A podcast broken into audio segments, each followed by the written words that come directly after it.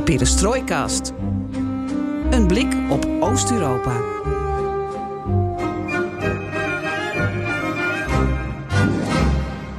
Welkom bij BNR Perestrooikast, aflevering 152 van de enige podcast van Nederland die volledig oog voor het oosten heeft en geeft. In mijn geval vanaf station Haarlem. En je staat op het punt om te gaan luisteren naar een gesprek met Ilya Ponomarenko, de oorlogscorrespondent van de Kiev Independent. En je hoort mij vanuit de studio in Amsterdam. Ja, en Ilja uh, is in Nederland en sprak eerder deze week in een uitverkochte Rode Hoed in Amsterdam. Daar gaf hij de jaarlijkse oktoberlezing van Raam op Rusland. En een, aantal en een aantal van onze luisteraars zal daar vast ook bij zijn geweest. Nou, we hebben er een aantal gezien en gesproken, toch?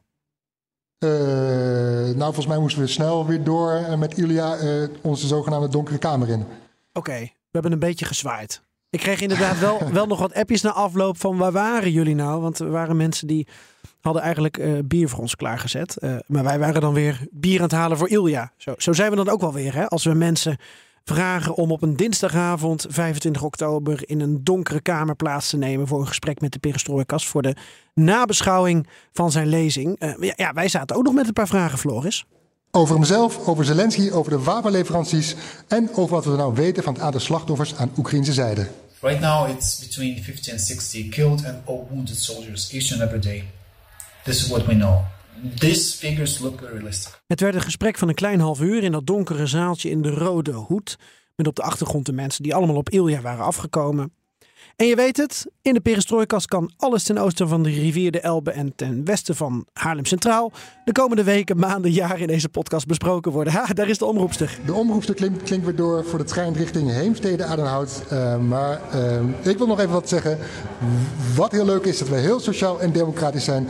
En abonneer op ons zodat je geen aflevering hoeft te missen. BNR Perestrooikast. Zoek ons op in je favoriete podcast app. Hallo Heemstede, dat is nog verder van de Elbe vandaan. Uh, ja, we zakken langs van het weg naar warmere orde. Nou, binnenkort een IJsland-podcast. Uh, um, ik ben Geert-Jan Haan. En ik ben Floris Akkerman. En dit is BNR Perestrooikast. Hé, hey, je hebt bezoek. Wat leuk.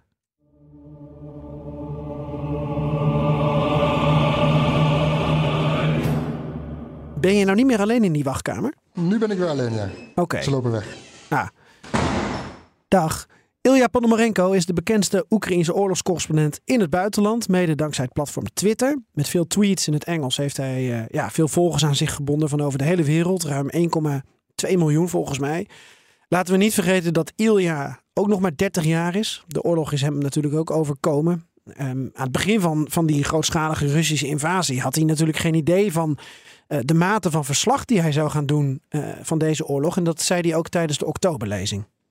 Zeker. Je kunt ons interview met Ilya uiteraard los beluisteren. Maar wil je meer weten over zijn verhaal, luister dan ook de lezing terug. En daarna naar ons als een nabeschouwing. De link van de lezing van Raam op Rusland zetten we in de show notes.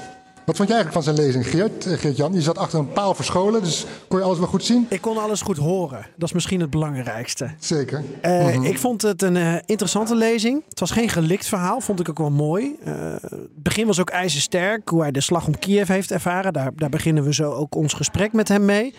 Ik had wel het idee dat hij een beschaafde lezing gaf. Hij is een, een onafhankelijke mm -hmm. journalist, maar hij kan ook niet alles prijsgeven van wat hij meemaakt. Maar misschien iets meer tipjes van de sluier oplichten. Um, zat ook niet heel veel nieuws in zijn uh, analyse. Um, klinkt het heel flauw om te zeggen dat ik het meeste wel wist? Uh, nee, dat is zeker herkenbaar. Uh, ik denk dat ook als je dat op de voet volgt, niet snel verrast zijn door, de, door zijn lezing. Behalve dat persoonlijke gedeelte, hoe hij de slag om Kiev beleefde en zijn moeder samen, samen moest evacueren, samen met zijn vriendin. En gezeten in de auto van een vriend en de beslissing moest maken om weer terug te keren naar Kiev, terwijl Kiev volop werd aangevallen door de Russen.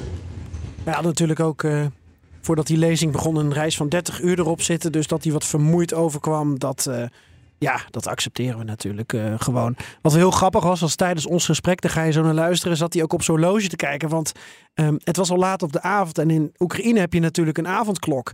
Dus hij was helemaal ook eigenlijk uit zijn ritme. Zo van, het is donker en er is bijna niemand meer. Uh, moet ik nu niet eigenlijk uh, binnen blijven? Maar ik moet zo naar buiten, want ik moet zo naar mijn hotel. Dat was wel, ja, hij zat in een hele andere wereld nog.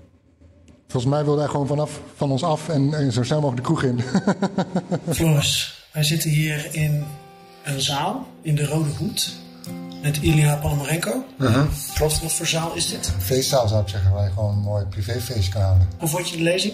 Ik vond het mooi en goed. eh, vooral het persoonlijke verhaal over zijn moeder. eh, hoe hij die eh, wegbracht in alle stress. En besloot om terug te keren omdat het toch eh, journalistiek zijn roeping was. Ja. Tijdens de Eerste Oorlogdagen. So Ilya, we started reviewing your lecture. Um, it was very personal. I don't know if all your lectures are that personal and from the heart. Of the in months of this big war, I noticed and I made it clear to myself that personal account works well to Western people, to foreign audience in general, because everybody can get any information about facts from Wikipedia. So I will not be telling you new things when it comes to you know pure you know list of facts. What matters is the um, emotions. uh, What matters is the personal stories, and uh, what matters is the trust that goes beyond those stories. So uh, it's easier and it's more effective to tell the story uh, to an audience that trusts you as a person. So that's why it's personal. Um, that's why I have a lot of things to, to tell to people. And that's why um, people are attentive towards it because it's just not some you know, generic set of facts and generic statements. This is something that they have never heard before. By the way, are you aware of the fact that you're some kind of Twitter heroi to people, and that's how they know you and why they came to this lecture? Uh, I don't know. I'm not really a big fan of talking about you know sort of significance on Twitter because people bombard me on interviews on in general. It's it's become uh, a running joke in the Kiev Independent um, newsroom. Everybody wants to sting me about this and have a silly joke about this. About uh, how many followers does this uh, does this guy have? Like he's our Twitter god. It's like people simply stop it. Um, but yeah, it's I find it very, very, very surprising for me and very pleasant that so many people were ready to listen to you know a very very simple guy from Ukraine just telling what he feels like, just telling what what's happening in front of his eyes. So I really appreciate it, and I I tried to to keep up with expectations and uh, to keep up with this trust, not to let down my, my, my the people that I, that have trust in me. So it's it's it's an additional work for me to do. I understand, but when I follow you on, on Twitter, I, I, I, do- I think about the picture you posted from this enormous crater in uh, Mariupol, I think, uh, one of the first weeks, and that's it has a purpose, right? To use social media. Of course, yeah, of course. Uh, I wasn't in Mariupol uh, during the invasion, so many things that I post um, come from Ukrainian social social media. So uh, the things that I post um, are the things that I I consider worthwhile for the Western audience to see and to understand. So if it, if it appears on my feed, so it means that I decided that you should you should know this, you should see this. Unfortunately, I can't cover the whole of this war because even though I work basically twenty four seven, so mm, it's not always that I have a chance and I have an ability to cover all those things. So the uh, the main purpose is to simply keep the world informed about about what's happening.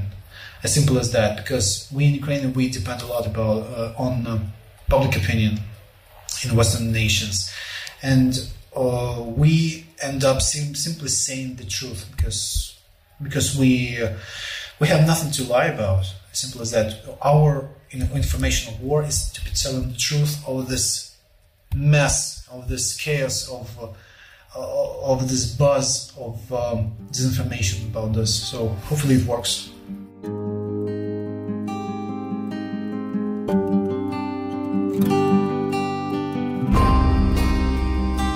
During the lecture, you told about the beginning of the war, the first days, you evacuated your mother from Kiev to the west of Ukraine, together with your girlfriend, if I'm not mistaken. Um, are they still in the western country, uh, western part, or did they come back to Kiev? My girlfriend came back to Kiev shortly following the end of the Battle of Kiev, when the immediate threat was gone. My mother spent some time in West Ukraine uh, with the family of my girlfriend, to be precise. Then she moved to Dnipro because she wanted to have some more activity in the in her life. She wanted to get a job, get back to the job actually, Dnipro. And uh, uh, right now, she, my mother has settled down in the city of Bucha, the the Bucha, the one, uh, just basically very close to me because I'm just about to move to Bucha as well. So, uh, as part of um, many, as part of the process in which many people got back to life when the Battle of Kiev was over, uh, many people also got back to the cities um, in Bucha, in Irpin, Kiev, and my loved ones were not different. All the time, we're also talking about uh, casualties. How many people got killed? Do you know? In general, we tend to know the general situation. Um, when it comes to military deaths, we know it. Um, that um, it's about a bit more than 10,000 dead soldiers killed since the beginning of the invasion. We have this information from the authorities. It was publicly um, revealed. Um, when it comes to civilian deaths, it's very complicated question because according to UN estimates, it's close to 6,000. But in the all reports, the UN says that this death toll is far from being complete because we have no idea how many people got killed in Mariupol, and we will probably uh, will never know this even if if slash when we get back to to Mariupol because uh, one of the recent things that I heard from Mariupol from people that are there and they have connection with us uh, is that um, you know, Russians started um, demolishing the houses, the ruined and damaged houses in Mariupol, uh, and uh, they did not recover bodies underneath those ruins, and still a large amount of those you know ruins and rubbles of residential houses were never clean, never cleared. So all those rubbles have a lot of dead bodies in there of those who used to live in those houses. So we will probably never know how many of those people were killed because they basically just demolished and just went out in, in, in nowhere. And um, Sorry to interrupt you. Are there estimations to make? again, again, a very complicated question because local authorities uh, in in um, in Mariupol they report um, various uh, estimates, starting from nearly twenty thousand dead in in Mariupol to eighty eight thousand dead in Mariupol. We do not know. And we have little chance to actually know how many of those people were, for instance, um, uh, gone missing or killed, so we can identify the body. Because Mariupol has become a city of uh, just surrounded by cemetery, because lots of improvised graves, um, collective graves, mass graves. Uh, so we know that they exist. You know, we have all the pictures, and so they're massive. But also, it's a big question if we have a person missing. The question is, was this person just buried under the rumble of, of those houses demolished by Russians, or was it um, expelled into into Russia and uh, settled down somewhere in Russia? It's it's it's a mess. It's an absolute mess. It's going to be a very big question for the for many years in in, in coming. Volnovakha, my hometown, which is just north of Mariupol, also a big question. Um, before the big invasion, it had 30,000 residents, close closer 30,000, but it basically ceased to exist as a human settlement. It just can't sustain life. Most of uh, people got evacuated, but also people, my relatives, the people that I know, that were hiding in basements for, for days. So without water, without food, um, many people try to to escape, just to get out of basements and try to you know run their way to somewhere. And many people who managed to do this, many did not make it, and they said that the streets were just covered with dead bodies. Well, those who never made it, obviously. So how many people got killed in there? We do not know because the whole city was just raised to the ground. Um, you know, I'm I'm having a feeling for quite a long time. It is not something that uh, people should refer to. It's just my feeling, my estimate that we might face this the end of this war with um, um, death toll on the Ukrainian side close to 100,000 people military and civilian deaths. That's my my my expectation, my estimate. But those those ten thousand, that's the official figure, right? Do we trust? Yes. Um, we tend to be trustful about these figures because you know in this age uh, there's there are very little things that can be hidden from public eye. Uh, in our age, everybody's got a smartphone in the pocket, Every, and uh, in the internet, everyone is exposed, and everyone is exposed doing something. Um, and besides, over the years of war with Ukraine, we have a, a very steady mechanism of uh, monitoring you know, military deaths. Uh, so many media outlets, many volunteer communities, they they collect information, um, biographies, pictures of killed soldiers, and they publish them online. So they have lists of soldiers, so um, of verified deaths. Because um, when a soldier is killed, it's it's likely that you can hide his death away because there will be funerals, there will be people, there will be relatives. Everybody is exposed to public eye, so it's very hard to conceal uh, things from for, from the public eye in this day and age. So the Ukrainian military they try to be pretty open and uh, honest on the general level. So we know general situation. When when it comes to um, tactical situation, for instance, we have basically no information about this. But at this day and age, we know how many people, uh, how many soldiers we have lost in general, the whole this all, and we tend to have a general understanding how how many casualties we sustain each and every day. Right now, it's between 50 and 60 killed and all wounded soldiers each and every day. This is what we know. These figures look realistic.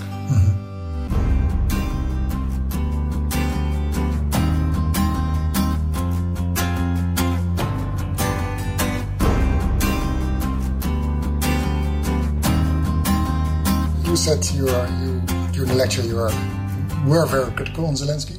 You still are, or is this a period that you don't have to be critical on your president, even as a journalist? Uh, I definitely uh, changed my opinion about some aspects of him as a, as a wartime leader. He's definitely doing a good job at presenting Ukraine. We must admit this. Um, he's he has done a very good job staying. He has done a very good job, although in the very final moments, of forming a team. Because right now we have the best team of um, top general, of defense minister, of prime minister, um, of in general one of the best governments that we could get uh, throughout the all years of independence, especially when it comes to to top military commands, the best best one in the whole, in the whole period of independence, and defense ministry. So um, he was really good at, at, at, at this at this. Uh, um, so, um, but still, we have many things for which we criticize Zelensky, such as very questionable preparation for the war, his very questionable position regarding the uh, public awareness about the preparation of this war. So, in general, we acknowledge that he did a great job. He changed a lot. Um, why I told you that I was kind of critical about, Zelensky and his posture as a president. You know, once upon a time, um, there was this thing uh, with Steinmeier formula. Not many people do recall this thing, but there was the Steinmeier formula, uh, like a, a roadmap to implementation of Minsk agreements, and it was apparently approved by the by the council of all sides uh, uh, interested, including Russia. So there was a, a, bit of uproar about this because it was seen like a capitulation behind this uh, to Russia. And um, Zelensky summoned top journalists, uh, Ukrainian and foreign journalists, uh, at the presidential office in Kiev. So he took questions from us. And at some point, um, there was someone from the US. I'm not sure who that was, but someone major, major from the US. And that was in the middle of the Trump uh, scandal with the with Trump uh, withdrawing U.S. Uh, military assistance for the sake of finding information about Biden. And uh, obviously, the U.S. media outlets starts asking questions about you know Trump uh, involvement in this in this regard, whether he was trying to extort some uh, something from Ukraine, some information on Biden. So Zelensky gave his, his uh, answer, but at the same time he he declined to you know to go further about this, and he said it was like five five p.m. on the clocks, and he said, "Hey guys, it's five p.m. I I gotta go, so I have a family." And you know the U.S. reporters they started putting, but but Mr. President, could you just explain what it is? It's a, it's, a, it's a question of national security for this. Can you please elaborate? Give us a couple of minutes. He was like, trying to say in the broken English, Do you have any children? It's like five, we were looking at him, dude, you are president of a country. I don't care if you have children or not. If he's five, five, five in the, five, five p.m. and it was like, what are you even talking about? So he was always um, enjoying himself as a president in the status of president, mm. but he was never a good fan of um, working as a president. Mm. But you know, um, this work tended to be something that changed many people or revealed their true self, and this concerns many people, um, and including Zelensky. So he also managed to change and did the, his best in this regard. But this, do you have any children? Yeah, it, it haunted me for quite a long mm. time. But could, could he could he have done more to prepare Ukraine better before the war started? Again, a very very debatable question. Mm-hmm. Uh, it's one of the things that were of huge debate, like a couple of months ago in Ukraine, because many details went up, showing that many questions went up, showing that. Um, many things that probably could have been done was not were not done. Uh, especially when uh, there was this publication from the U.S. media, like Washington Post, saying that um, the U.S. had a very profound and very detailed information about about the invasion, but they were showing Ukraine not the whole picture. So there have been questions on their side. The biggest question was that should Ukrainian public be warned about the upcoming invasion in this regard. Uh, what would naturally expect to say yes, because people need to know if Russia is just about to invade and, and launch the biggest war since World War II about this. But then again, if what if Russia, what if Zelensky warned the um, the general public that Russia is to um, in, invade on February 24th, and nothing happens. And nothing happens because they are to decide when. Mm. Then some time comes, then know, we, we delay the invasion day, nothing happens again. And when the whole nation is just says, guys, to hell with you. Russians do this when the nation is not prepared for this. So they have been always this need to sustain the economy, sustain a normal life, uh, which is very crucial for Ukrainian economy and the need to be doing something about this. Now, following the uh, events that we have seen, I think uh, most of the things that should have been done have been done. When it comes to the military, uh, for instance, the military decided to um, relocate military um, units, uh, aircraft, so they could be saved from uh, uh, Russian Russian missiles, initial Russian um, Russian wave of strikes. Um, the whole chain of command was reorganized and disinvolved and decentralized. We have already mentioned this. So I think, um, given the very fact that Ukraine managed to sustain the first attack to defeat the Blitzkrieg, mm-hmm. uh, and basically strategically win the war within five days because the only hope for Russia to succeed was the quick victory. The only this fact also said that this preparation might not be perfect because the world is complicated, but it was happening. It was happening. Otherwise, we would not be where we are today.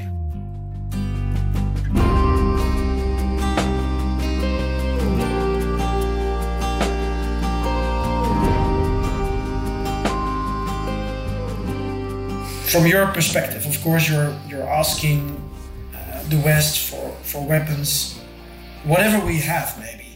But on the other hand, we're also sometimes giving you whatever we have. We look on the shelves and it's like, okay, we have maybe some helmets left and some uniforms.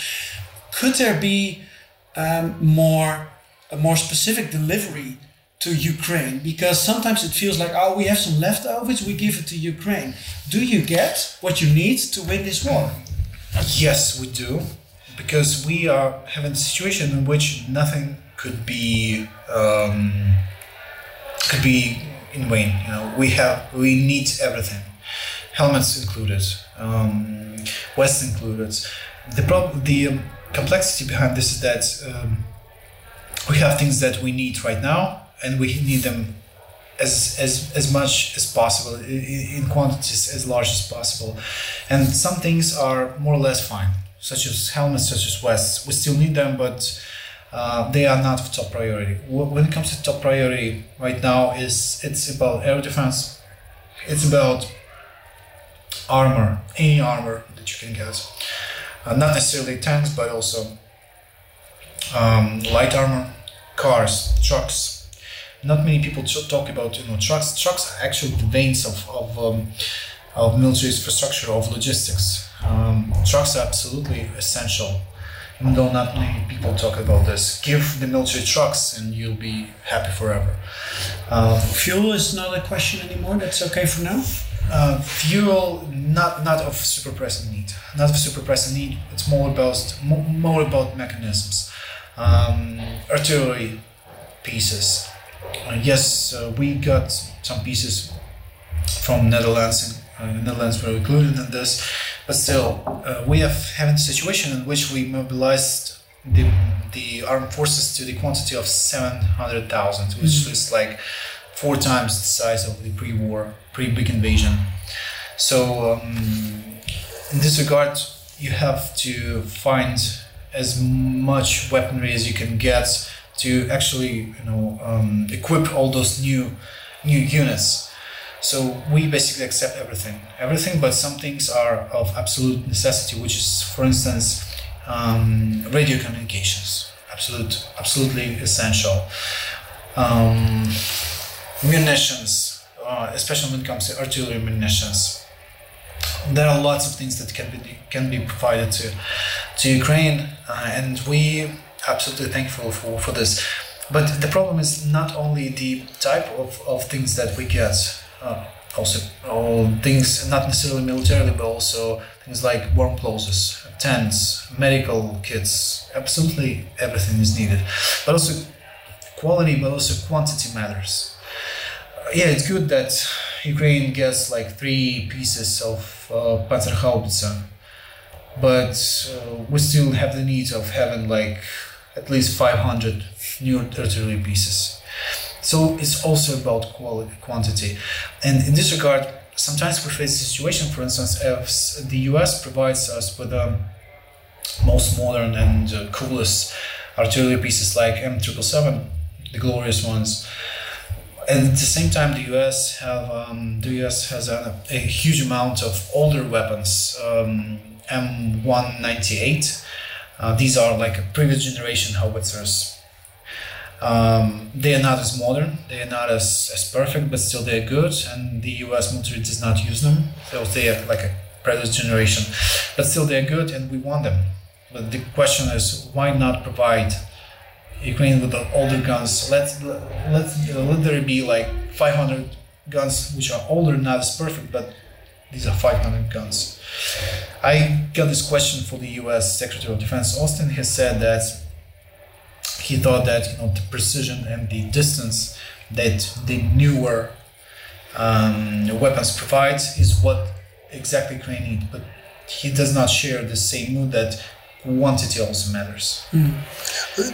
But shouldn't Ukraine receive stuff, weapons, etc. beforehand? Now it's oh. all the time that's when you are hitting the very, very heart of the Ukrainian public debate on Facebook. because uh, yeah, every single Ukrainian has had a, a post on Facebook saying that um, why providing weapons to us right now? They should have provided us long beforehand, so this could not never could never happen. Yes, ideally yes, but we try to be realistic about this.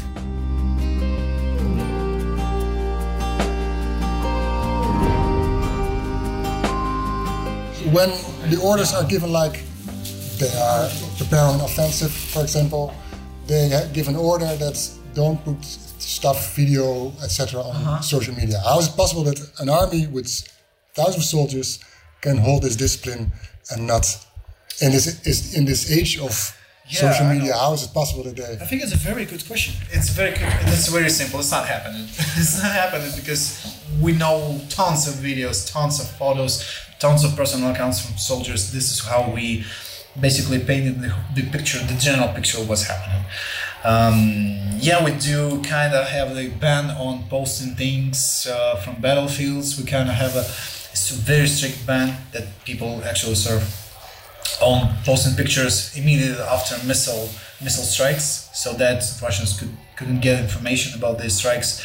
Uh, there's a ban on posting pictures showing um, what's the word for this? Um, the um, serial numbers of, uh, of of aircraft was down by, so they couldn't get information about the trajectory and, stuff. But in reality, Ukrainians being Ukrainians, they ignore things that are not super essential. Yes, you can get lots of videos from battlefields, and uh, Ukrainian military, the Ukrainian defense ministry, who issued these orders, they gladly repost those things on their official accounts as part of the you know promotion, you know, um, of the Ukrainian cause. The very videos they ban in theory on paper, but when it's when it's looking good, when it's nice, when it's encouraging, so why not posting them on, on our website, on our Twitter feed? So yeah, in general, uh, it's it's always always an interesting question of um, you know wartime censorship in Ukraine. It does not exist.